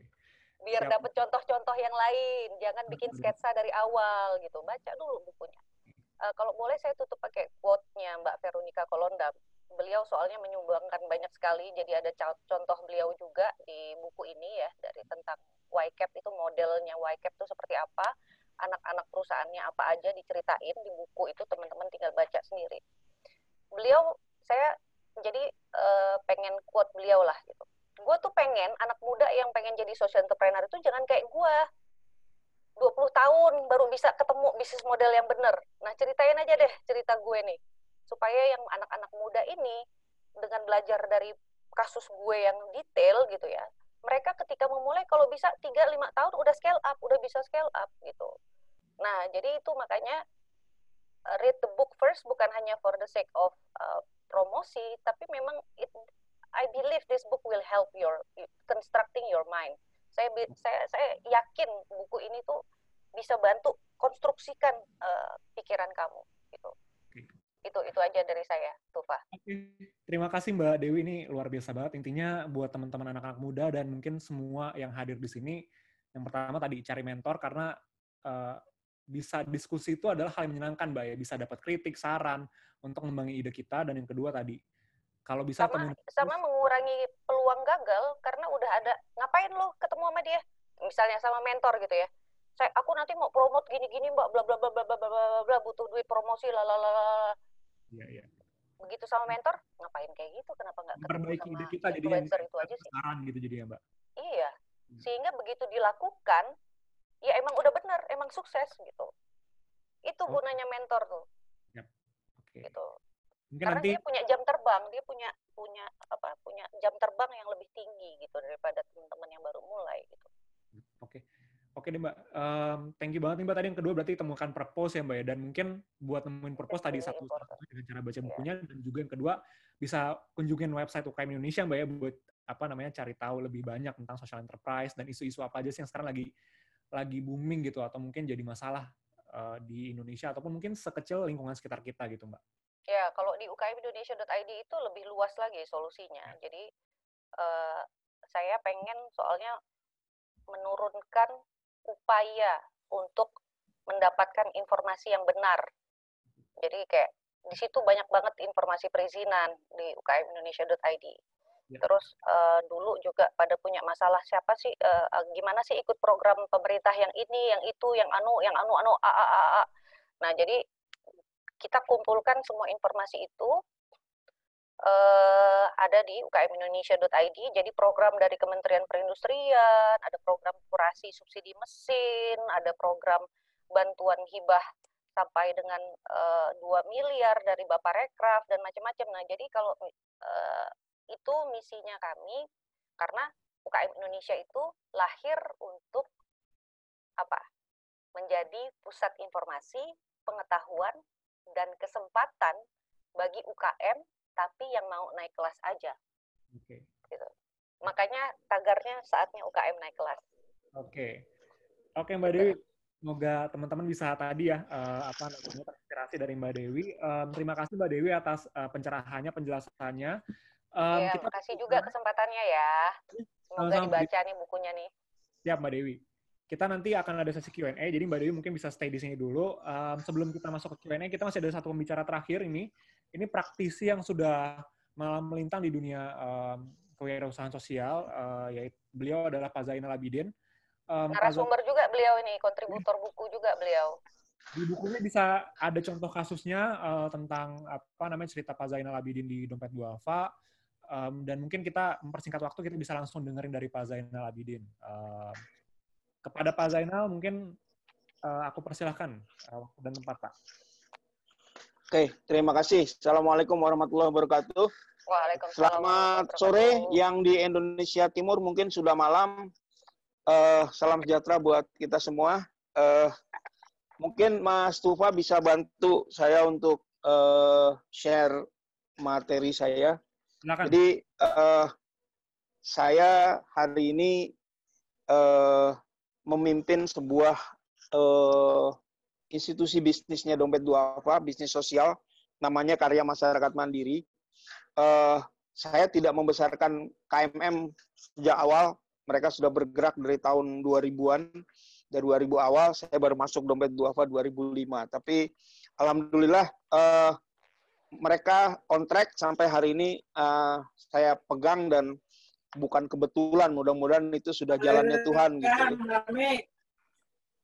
bukan ja, bukan bukan kebetulan karena saya nggak percaya ada kebetulan uh, saya kemudian diminta untuk uh, ikut juga membesarkan uh, PT KMM ini. Jadi uh, saya konsisten dari dari 2000 dari sebenarnya dari dari awal jauh-jauh hari. Uh, tolong di dilanjutin materinya. Silakan. Uh, ini adalah konsep perusahaan sosial berdasarkan uh, pendapat saya dengan uh, partner in crime saya di berbagai hal untuk urusan sosial bisnis namanya Mas Jalal. Uh, waktu kami diundang conference di Malaysia, uh, kemudian dihadiri oleh sejumlah uh, dulu aktivis zakat, mungkin hampir seluruh dunia gitu ya, Afrika, Amerika, Eropa ada. Uh, dan uh, saya mengatakan bahwa ada 5 plus 2 konsep perusahaan sosial menurut kami. Yang pertama, uh, usaha sosial itu didirikan untuk memecahkan masalah ekonomi, sosial, dan lingkungan yang dihadapi masyarakat. Jadi kalau sebagai contoh KMM itu ya didirikan untuk memecahkan masalah petani yang uh, kita setiap hari makan produk mereka, tapi kok nggak kaya-kaya mereka gitu. Yang kaya siapa gitu. Uh, itu yang ingin kami pecahkan. Jadi uh, petani harus kalau Mbak Dewi bilang UKM naik kelas, kami harus bilang petani harus naik kelas gitu. Kesejahteraannya harus naik. Jangan sampai anak-anak muda malas jadi petani dan itu sudah terjadi di Indonesia. Uh, kemudian dia menggunakan mekanisme pasar untuk menyelesaikan masalah itu. Artinya apa? Uh, produknya jangan dibeli berdasarkan belas kasihan. Produknya memang harus punya kualitas yang oke okay, dan orang tergerak membeli itu bukan karena belas kasihan. Saya nggak mau seperti misalnya saya pernah uh, tahun berapa? 2002 saya ikut training di Finland Finlandia. Uh, ada satu toko buah yang yang satu buah-buah impor yang satu buah-buah lokal. Dan yang diantri itu uh, buah-buahan lokal gitu. Yang rasanya waktu saya ikut antri udah rasanya asem kemudian uh, harganya lebih mahal dibandingkan yang yang impor. Tapi waktu saya tanya kenapa Anda beli di di warung yang ini bukan yang itu yang rasanya enak mungkin ya, harganya mungkin lebih murah. Mereka bilang e, kalau kami membeli dari warung yang sebelah itu, yang kaya adalah petani dari negara-negara pengimpornya. Tapi kalau yang kami beli yang ini, yang kaya naik sejahteraannya adalah uh, para petani, para uh, pekebun yang menjual buahnya di sini dan itu asli orang Finland. Artinya gini, ada sentimen itu, tapi kami nggak mau masuk di situ karena kalau hanya jual berdasarkan belas kasihan, ya suatu saat uh, orang akan pergi gitu, karena udah capek. Mungkin hari ini kalau kita tolong ya dengan jurnalisme air mata orang akan beli. Tapi apakah dia akan loyal dengan produk kita yang ala kadarnya? Jadi mau nggak mau mekanisme pasar harus dimasuki. Kemudian uh, inovasi sosial. Jadi kita nggak bisa uh, misalnya memberdayakan petani hanya dengan teknologi yang uh, dari zaman zaman dulu itu sudah dipakai gitu. Jadi kami selalu pakai inovasi untuk mem membantu para petani uh, dan itu menjadikan itu sebagai DNA bisnisnya gitu.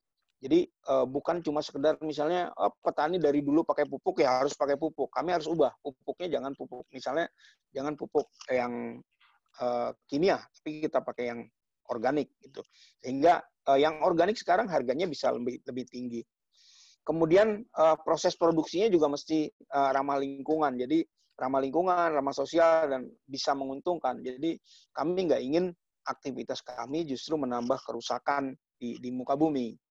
Kemudian, nah ini yang yang yang paling berat dan sampai hari ini uh, saya konsisten dengan ini sehingga saya harus menyebut bahwa dompet duafa bukan bisnis sosial.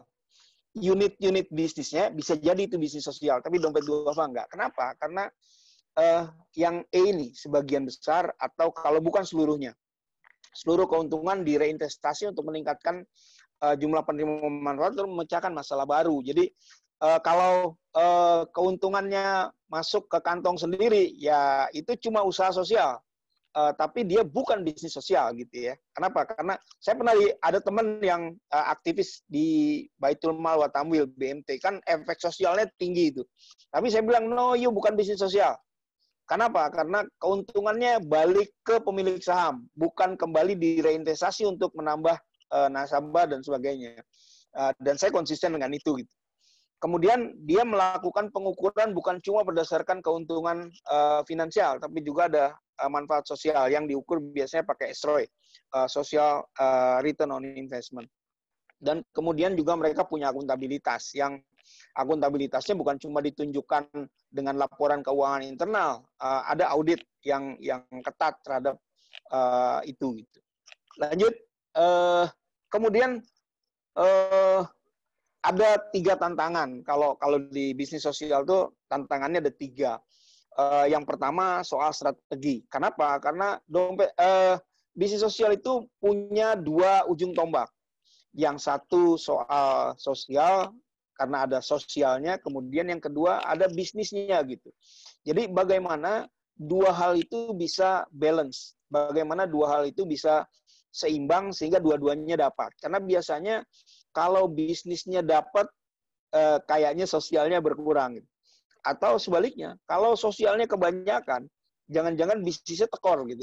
Jadi itu soal strategi dan benar kata Mbak Dewi, sepanjang bisnis modelnya uh, pas gitu, uh, dia akan bisa dapat untung dan uh, manfaat sosialnya bisa dirasakan. Kemudian soal legitimasi ini yang uh, saya kira, mohon maaf dengan segala hormat, saya harus mengatakan bahwa KMM uh, eh, memanfaatkan sepenuhnya legitimasi yang dimiliki oleh dompet duafa. Uh, bukan dalam arti uh, karena dari dompet duafa se seenaknya saja nyedot dana zakat gitu enggak. Uh, saya tahu persis betapa uh, dompet duafa sangat ketat dalam soal keuangan sehingga nggak sedap nggak segampang itu untuk mendapatkan uang. Dompet duafa setiap tahun bisa uh, mengumpulkan dana hampir 300-400 miliar satu tahun. Tapi uh, alokasi untuk KMM makin lama makin berkurang. Bahkan tahun ini nol, masih nol tahun ini. Gitu. Jadi uh, karena apa? Karena karena memang dari bisnisnya KMM sudah bisa bisa hidup. Buat apa lagi harus ditambah gitu. Kemudian soal tata kelola ini juga uh, sebenarnya seperti Mbak Dewi bilang tadi gitu. Uh, soal tata kelola ya bukan cuma masalah masalah bisnis sosial gitu. Bisnis ansih pun uh, soal tata kelola juga uh, banyak masalah. Kemudian juga uh, uh, di, di berbagai lembaga lah di Indonesia kan uh, soal tata kelola ini juga jadi masalah gitu. Cuma saya yang kagum sama Indonesia itu Indonesia kaya banget gitu. Kenapa? Karena sering kali masalah tata kelola dikorupsi banyak banget, nggak miskin-miskin gitu. Masih hidup aja sampai hari ini Indonesia. Kemudian ini multi sosial dan ekonomi ini juga yang jadi uh, uh, apa ya banyak orang bilang ini dua dua motif yang uh, seharusnya berjalannya seiring sejalan tapi sebenarnya nggak bisa kompak gitu. Tapi uh, saya yakin saya yakin dua-duanya bisa kompak gitu dan kami sudah bisa. membuktikan itu gitu. Iya. Kami bisa memberdayakan petani dan uh, uh, nanti saya kasih contoh uh, bagaimana di saat COVID banyak uh, usaha gulung tikar, banyak usaha tutup, uh, omsetnya KMM justru tambah besar. Pendapatan dari tebar hewan kurban yang tahun lalu cuma 21 ribu ekor, tahun ini 42 ribu. Jadi uh, lom, lipat dua kali gitu. Itu dan THK juga salah satu bisnis sosialnya dompet duafa yang yang lumayan besar. Gitu. Lanjut. Uh, kemudian uh, ini konteksnya Indonesia. Ini juga hasil penelitiannya Plus gitu ya uh, uh, British Council juga menunjukkan ini dan seperti Mbak Dewi bilang ini bukan masalah uh, orang Indonesia saja gitu. Eh bukan masalah bisnis sosial saja, tapi ini juga uh, masalah masalah umumnya uh, di Indonesia. Uh, semua usaha kayak gini lah nasibnya gitu. Nyari dana susah. Ya uh, siapa yang mau mendan uh, bank mana yang mau mendanai usaha yang masih rugi atau bahkan belum ada gitu.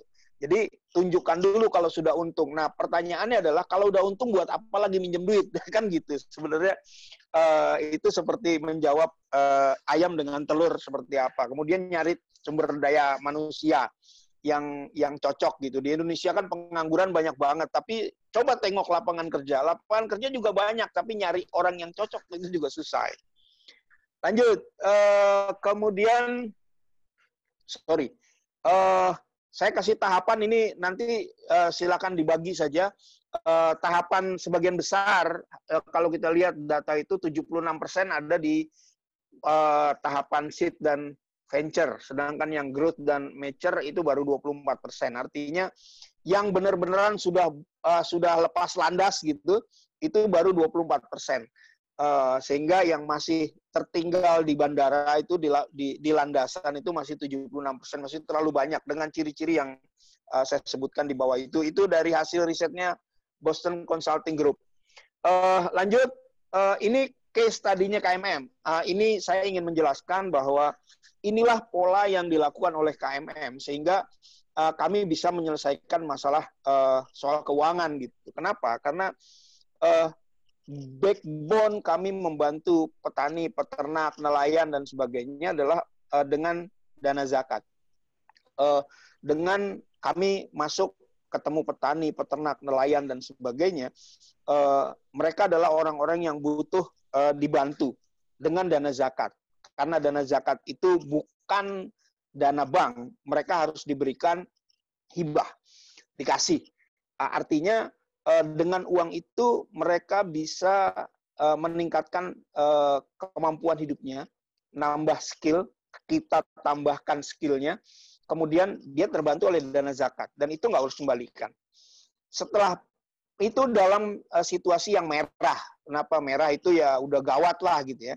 Tapi dengan bantuan dana zakat, kami berharap uh, situasi itu berubah sedikit demi sedikit sehingga mereka menjadi kuning. Kalau sudah kuning, mereka nggak lagi layak dikasih uang zakat. Yang harus diberikan pada mereka adalah dana kordul hasan. Kalau kordul hasan itu minjem 100, bayar 100. Jadi eh, nggak ada tambah bagi hasil, nggak ada eh, bagi share gitu, nggak ada. Dan eh, kesejahteraan duafa sudah naik. Kemudian mudah-mudahan harapannya adalah mereka naik ke zona biru. Nah, kalau sudah zona biru, uh, yang tadinya beneficiaries penerima manfaat sudah berubah jadi business partner. Uh, ada dana, mari kita bagi hasil. Dan uh, level kesejahteraan uh, duafa sudah naik. Dia bukan tidak lagi jadi duafa, tapi sudah jadi muzaki. Dan dengan uh, pola yang mitra seperti itu, mereka bisa naik ke level yang hijau sehingga dompet duafa sudah nggak kuat lagi mendanai uh, karena punya program yang lain, ya kita carikan partner bisnis. Eh, orang-orang uh, yang berzakat di dompet duafa itu lumayan banyak yang punya duit lebih, yang kadang-kadang nggak nggak mikir duitnya buat apa ya, buat bantu uh, teman-teman itu. Uh, sehingga uh, kita pertemukan antara pemodal dengan petani dengan bagi hasil yang uh, memadai gitu, sehingga uh, bagi kami di dompet duafa tidak ada uh, exit program. Jadi setiap program ujung-ujungnya adalah menjadikan mustahik jadi muzaki dan mengubah penerima manfaat jadi mitra bisnis. Nah, eh, di awal dana zakat 0%, tapi kemudian setelah bisnis, ayo berbagi hasil. Nah, KMM adalah salah satu yang eh, melakukan transformasi itu di level petani, peternak, dan juga nelayan. Kalau kita lihat, ini contoh eh, kenaikan omset kita dari kita mulai ada COVID itu kan uh, sekitar bulan Maret ya. Bulan hmm. Maret, uh, bulan April kita lihat aja itu lompatnya tinggi banget gitu. Lompatnya tinggi banget dan kemudian bulan Mei itu jelang puasa, uh, kemudian Juni juga itu bukan karena kita turun omset tapi karena uh, turun omsetnya bukan karena memang uh, kena dampak, tapi ini Lebaran gitu saat Lebaran ya petani peternak juga merayakan itu dan mereka nggak produktif saat itu, termasuk juga ketika harus puasa. Dan kelihatan di bulan Juli sudah mulai naik lagi. Jadi kalau kita lihat seperti ini, uh, ini kan persistensi usaha gitu.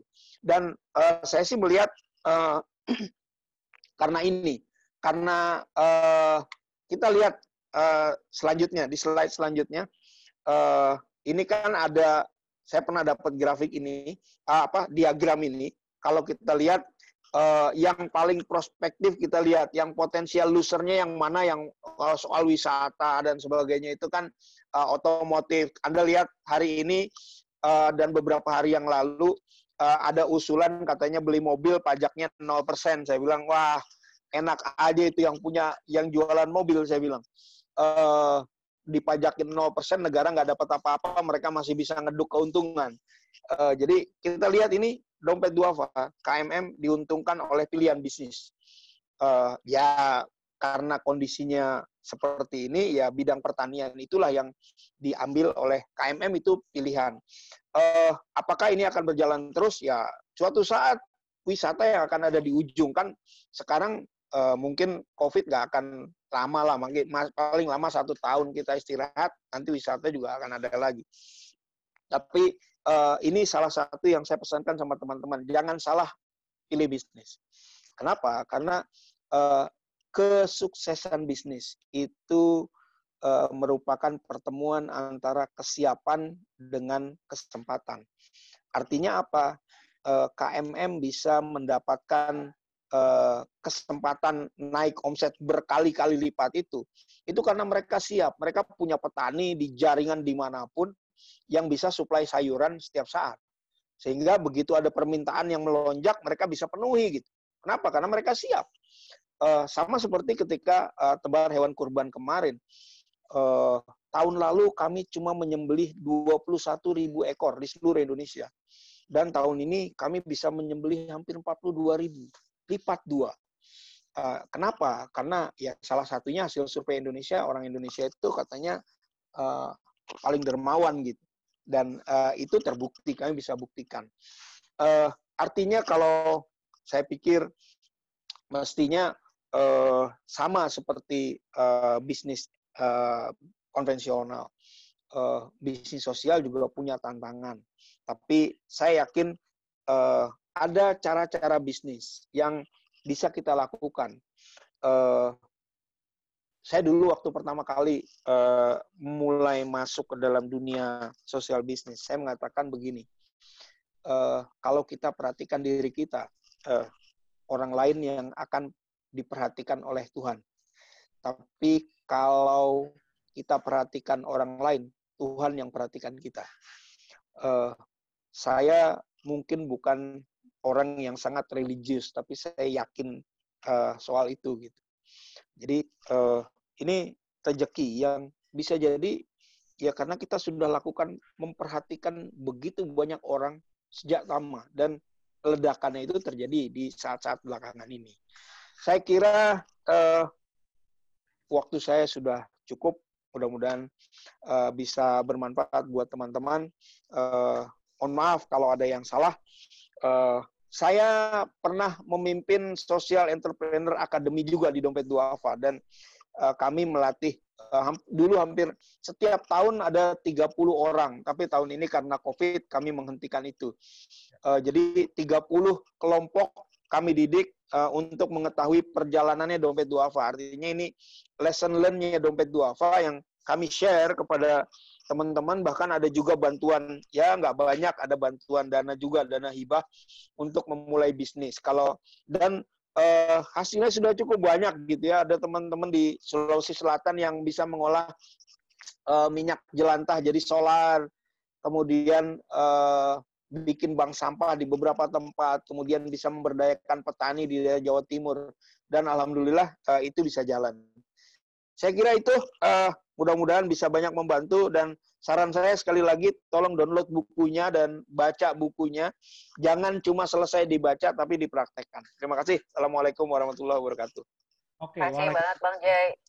Terima kasih Bang Jai. Um, Pak Zainal nih panggilan akrabnya Bang Jai atas sharingnya. Um, senang banget jadi bisa dengar cerita tentang KMM ya. Um, bagaimana sih sebenarnya di masa pandemi ini kita nggak kita semua ini sebenarnya bisa juga menciptakan bisnis yang sebenarnya menguntungkan tidak hanya menjadi mungkin tanda kutip unquote korban dalam uh, pandemi COVID-19 seperti itu. Um, tadi poinnya adalah jangan salah pilih bisnis. Uh, kita perlu intinya menyiapkan kesiapan dari bisnis kita sendiri dan kita coba cari kesempatan yang bisa kita masuk gitu di sektor apa yang kita bisa kembangkan. Oke, okay. um, kita masih ada waktu teman-teman buat sesi Q&A. Uh, Tim Plus itu sudah mengkurasi beberapa pertanyaan. Ini coba aku pengen sampaikan ke Mbak Dewi dan Bang Jaya dari Mbak Yuliana. Jadi ya. uh, pertanyaannya tentang uh, high impact entrepreneurs. Jadi sebenarnya apa sih uh, perbedaan antara high impact impact entrepreneurs dengan social enterprise? Ah. Seperti itu. Mbak Dewi dan Bang Jaya. Jaya dulu aja deh ini. saya bukan orang yang senang berteori, tapi saya bilang gini, uh, saya ingin saya ingin jawab pertanyaan itu dengan satu pertanyaan yang uh, boleh nggak pertanyaan dijawab dengan pertanyaan? Boleh dong. Boleh, boleh. Boleh dong, boleh, saya, boleh. Saya tanya gini, kalau pertanyaannya soal itu, saya tanya, uh, Gojek usaha sosial atau high impact? Oke.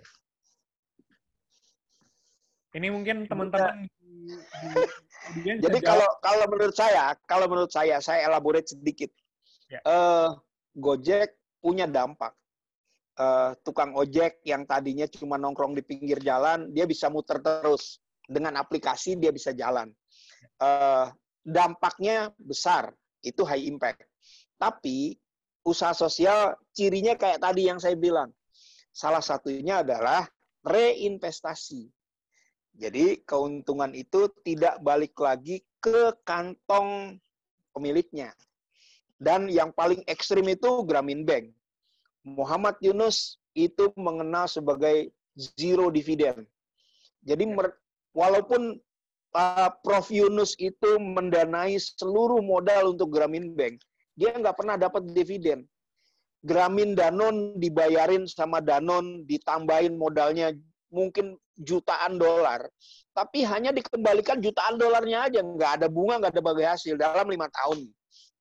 Jadi uh, seluruhnya dikembalikan lagi ke dalam bisnis. Nah, beda dengan usaha sosial. Kalau usaha sosial reinvestasi itu, cirinya di situ. Bedanya di situ. Oke, siap. Terima kasih Bang Jai. Mungkin dari Mbak Dewi nih kita bisa dengar pendapatnya. Silakan ya Mbak. Itu ya tadi Bang Jai omongin tuh udah ditulis di buku. Enggak, jadi intinya adalah uh, ada kita elaborasi itu di bab 2. Jadi ada enggak cost structure untuk kegiatan pemberdayaan? Pemberdayaan itu tuh kan untuk menghasilkan impact ya. Nah, jadi uh, ketika ada pemberdayaan untuk menghasilkan impact gitu, menjadi bagian dari struktur biaya yang tidak terlepaskan. Jadi dia bagian dari struktur biaya uh, perusahaan, bukan residual. Kemudian dia mengukur impact-nya, kemudian ada komitmen untuk reinvestasi dengan, nah kita agak lightkan sedikit memang di buku itu. Dengan komitmen nggak boleh lebih banyak buat investornya gitu loh. Harus lebih banyak dibanding buat impact gitu loh. Jadi kita kalau di buku tuh kita lembutkan sedikit gitu. Karena dari hasil dari ada tapi kita sampaikan ada yang model bisnis sosial yang ekstrim no zero dividend at all gitu ya. Ada yang model community social enterprise artinya duit uh, dividennya itu dibagi ke uh, banyak uh, pihak yang menjadi anggota gitu ya atau menjadi beneficiariesnya sendiri itu kayak koperasi mitra duafa itu kalau misalnya ada surplus yang merasakan ya 700 ribu uh, anggotanya. Jadi bayangin kalau untung uh, untung misalnya 10 miliar gitu. Tapi dibagi 700 ribu orang. Kan akhirnya satu orang cuma dapat berapa gitu kan ya? Makanya komida itu kalau bagi surplus jatuhnya tuh parcel sembako, daging, mentega, beras, gula, karena lebih bermanfaat, lebih lebih secara value emosional lebih tinggi kalau kalau dikasih begitu daripada duit tiga ribu, duit satu ribu gitu. Nah jadi sama komida digituin aja di, di uh, bentuk dividen itu dijadiin kayak parcel besar-besaran tahunan. Atau kadang-kadang kayak koperasi kasih. Jalan-jalan bareng jalan-jalan bareng gitu ke mana gitu. Jadi uh, apa namanya bentuk-bentuk itu gradasi dari yang ekstrim banget yang kayak Muhammad Yunus yang zero dividen banget gitu ya sampai yang agak paling light yang minimal untuk investor atau pemilik itu nggak boleh lebih banyak daripada yang dia balikin dia reinvestasi untuk isi sosial. Ada nggak komitmen itu? Tertulis nggak di teori of change-nya? Kelihatan pasti di struktur biayanya nah jadi itu pasti bedanya social enterprise sama uh, high impact Oke, okay, um, Thank you Mbak Dewi, Bang Jai. Ini ada pertanyaan sebenarnya yang cukup relate sama pertanyaan sebelumnya gitu kan. Um, Oke okay lah, kalau misalnya um, tadi ada beberapa acuan ya, kalau kita mau menamakan kita sebagai social enterprise gitu. Tapi kan nyatanya mungkin perlu ada nih misalnya gaji atau mungkin pendapatan bagi uh, manajemen ya iyalah. Pelaku. Ya nah, iya, Yunus juga digaji tapi nggak ada dividen. Seperti, nah, tapi ini pertanyaan dari Mas Darmaloka nih. Jadi apakah sebenarnya pantas ketika si si si pendapatan dari karyawan, manajemen atau mungkin pemilik dari wirausaha sosial ini tinggi gitu. Uh, Malah ini harus lebih tinggi kalau menurut itu harus harus lebih tinggi Yang daripada tarif usaha sosial kumuh. harus miskin. Kumuh harus. Cuma kan di Indonesia nih kacau, di Indonesia kacau. Kacau, ada. Nah, silakan Bang Jai. Ya, anggapnya ada, ada, di Indonesia ada sesat logika. dia ya, mentang-mentang sosial nggak boleh kaya nggak boleh gitu. Uh, orang itu harus dibayar dalam aturan misalnya dalam aturan agama saya orang harus dibayar sebelum kering keringatnya artinya harus dibayar dan pembayarannya juga harus layak gitu loh jadi jangan cuma sekedar dibayar gajinya tapi pembayarannya pun harus layak kalau keuntungan yang didapatkan oleh perusahaan besar mereka juga harus layak dapat bonus dong Uh, cuma di Indonesia ini terminologi soal uh, apa pelaku uh, social entrepreneur itu memang kacau gitu. Uh, ada orang cuma bayar lari satu kilometer sekian puluh juta dibilang social entrepreneur nggak kayak gitu lagi. Jadi ya mesti paling enggak ya mesti masuk akal lah. Yang namanya social entrepreneur itu bukan cuma kalau udah punya duit bagi-bagi duit nggak begitu gitu. Tapi di sisi lain merusak alam nggak begitu dia harus related semua. Makanya saya bikin tujuh ciri itu. Tujuh platform bisnis sosial. Nggak ada salah satu. Jangan pernah bilang itu usaha sosial. Mereka harus dibayar lebih layak dong karena manfaatnya buat manusia lebih banyak gitu iya itu dia jadi sesat logika yang harus diluruskan gitu ya sesat karena gini loh saya kasih ilustrasi aja ya. Saya kasih ilustrasi rapat direksi misalnya. Ada tuh ilustrasi itu di di di di buku gitu ya. Jadi awalnya di table di table diskusi direksi empat orang lima orang itu gimana nih kita achieve target laba 100 uh, eh, apa 5 miliar tahun depan misalnya gitu ya udah diskusinya cuma seputar oke okay, berarti nambah customer sekian sekian sekian sekian tapi kalau di table-nya uh, social enterprise nggak bisa kayak gitu. Gitu. Ini kita supaya bisa empower, supaya kita bisa nambah 100 ribu orang miskin yang kita bantu, kita perlu laba berapa sih? Nah, itu pertama. Setelah dapat hitungannya, baru kemudian dicari how-nya. How-nya pun lebih banyak kriterianya lagi. Wah, kalau caranya seperti itu, seperti cara kita nambah titik penjualan gini terus ngirimnya pakai ini, wah banyak emisinya ke mana-mana dong. Atau kemudian uh, menyebabkan kita nambah uh, apa unethical behavior uh, kepada bumi gitu kan ya. Itu juga nggak bisa. Artinya apa? Artinya masalah kompleks kompleksiti masalah yang perlu didiskusikan di table discussionnya SI itu karena dia juga harus ethical business harus etis gitu ya di setiap lini aktivitasnya seperti kata Bang Di tadi itu maka lebih kompleks. Kalau lebih kompleks berarti butuh human capital yang lebih cerdas. Benar.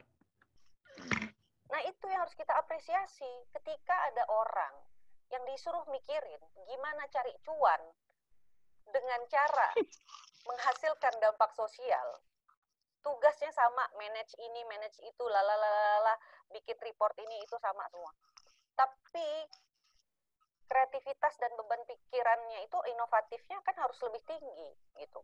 Selama perusahaan mampu, why not pay pay pay high? gitu loh. Disesuaikan dengan kemampuan bisnis. Any bisnis juga kayak gitu. Masa lu minta gaji 10 juta sebulan di saat omset bisnis cuma 15 juta sebulan lu kata gila aja gitu kan. Nah, tapi ketika omset uh, dan laba bulanan udah misalnya 100 juta ya kenapa enggak gitu.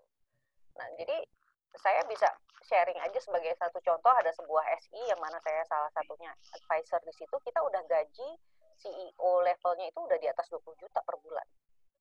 Ya. Gitu. Si levelnya itu gitu. Di luar asuransi dan lain dan lain-lain. Which is which is for us is fine as long as the business modelnya udah jalan bisa bayar itu gitu. Nah, ini yang uh, seolah-olah kalau wah kamu kok ngurusin sosial tapi kok ini uh, apa uh, berada seolah-olah tuh ngurusin misi sosial harus miskin gitu ya. Nah ini juga sesuatu yang harus diluruskan gitu ya. Kenapa kita promote social enterprise? Karena kita pengen ngasih tahu bagaimana caranya menjadi matahari lah paling nggak. Jangan jadi lilin lah. Jadi lilin tuh nggak scalable deh gitu. Pasti kitanya capek gitu loh. Kalau kita jadi lilin, kita membakar diri kita sendiri untuk menerangi orang lain tapi bisa lama nggak kita menerangi orang lain itu? Bisa, Mbak. Sebentar. Ya bisa kan habis gitu loh. Nah, itu itu itu dia jawabannya sih. Oke. Berarti asal tidak lebih dari reinvestasi total gaji yang diberikan kepada manajemen itu nggak apa-apa mbak ya asal tadi uh, pendapatannya sudah besar iya perusahaannya bisa, sanggup nggak bayar gitu loh intinya persentase bisa diatur tapi intinya kesejahteraan buat pengurusnya itu hal yang utama juga ya. Ya, Karena jangan sampai beginilah. Kemampuan perusahaan. Jangan sampai begini. Kita nolongin orang miskin, tapi karyawan kita sendiri miskin. Ya nggak pantas. iya. Saya pitching kayak gitu loh. Jujur. Lo kalau mau uh, kalau mau pros, saya preaching preaching udah seperti itu. Saya nggak mau ya tim saya nih gue bilang jadi pendamping usaha mikro, gue bilang kayak gitu ya. Tapi mereka sendiri masih bingung nyicil rumah gue bilang kayak gitu. Kagak bisa gue bilang e, tim gue mesti dibayar uh, proper. Dan beberapa sponsor mengerti itu kok. Beberapa corporate udah mau buy itu. Karena dia uh, you demand a good a good a good impact kan good impact kan butuh uh, good people gitu good good human capital. Dan ini ada price-nya gitu loh. Nah saya nggak mau tim saya udah capek bla bla bla ke lapangan empower orang dampingin orang. Terus kemudian dianya sendiri lagi mikir aduh gue bisa ntar gue mau nikah nih. Tahun depan ada duit gak ya gue buat resepsi? Ntar dia pusing gitu. Nah ini kan nggak bener itu kalau kayak gitu gitu loh jadi if you think uh, aktivitas pendampingan masyarakat itu penting ya buktikan itu penting ya lu hargain dengan honor yang bagus gitu. kalau Oke. Okay. gitu. Terima kasih Bang Jay uh, sama Mbak Dewi. Uh, mungkin satu pertanyaan lagi sebelum kita tutup ya. Ini ada dari apa namanya uh, dari Mas Heri. Uh, bagaimana cara mengajukan kerjasama atau program kepada UKM Indonesia? Oh ini untuk Mbak Dewi nih. Uh, oh, ya. Eh, supaya bisa sama-sama menciptakan human capital yang memiliki kapabilitas gitu. Silakan, Programnya Mbak. untuk khusus entrepreneurship tapi ya kalau kami ya kalau ya. edukasinya di luar konteks entrepreneurship kagak ngerti saya. Ya. Uh, kolaborasinya ini kasih kolaborasinya lebih tepatnya di bidang apa ya? Karena kami ada beragam partner, beragam jenis partner, ada mitra kolaborasi. Mitra kolaborasi itu siapa pun yang menyumbang informasi kepada ukmindonesia.id. Misalnya kayak DBS, kayak macam-macam banyak sama DBS malah mitra program pernah gitu ya. Terus uh, ada yang punya tulisan, success story atau learn, lesson learn, dia nulis gitu ya kirim ke kita kemudian menjadi suatu pengetahuan yang kita publish di sana gitu ya itu mitra kontrib mitra kolaborasi namanya ada juga mitra program mitra program itu seperti WhatsApp seperti UN Women seperti beberapa pihak lain yang mana kita tuh merancang suatu program pendampingan bareng jadi ya. bikin program bareng gitu nah itu mitra program dan yang paling tinggi itu mitra strategis. Kalau mitra strategis ini kita udah sampai nyamain struktur data antara suatu sistem digital dengan sistem digital yang lain. Nah, salah satunya tuh mitra struktur uh, strategis kami itu Apindo sama uh, Top Career. Nah, itu kita nyamain uh, database UKM kita tuh database UKM kita. Sebentar ya, ada background. Sebentar sedikit lagi. Nah, jadi kalau mitra strategis itu kita udah kerja sama antar platform. Jadi kayak misalnya sama Top Career, sama Apindo, itu struktur database dari UKM kita kita samain. Nah, jadi sehingga suatu saat kita kalau misalnya mau saling sinkronisasi dan pengen saling uh, apa namanya melakukan berbagai ragam kurasi itu bisa dengan lebih mudah karena struktur datanya udah sama gitu. Sebelum saya tutup ini terima kasih banget ini untuk Mbak Dewi dan Bang Jai atas ceritanya, sharingnya dan meluruskan logika kita semua intinya tentang konsep social enterprise. Dan dan tadi banyak juga eh, hal-hal uh, yang uh, disampaikan intinya adalah uh, cari passionnya, cari cari masalah yang mungkin menjadi membuat kita memikirkan masalah tersebut supaya kita bisa ya harus rajin-rajin cari masalah. Ya.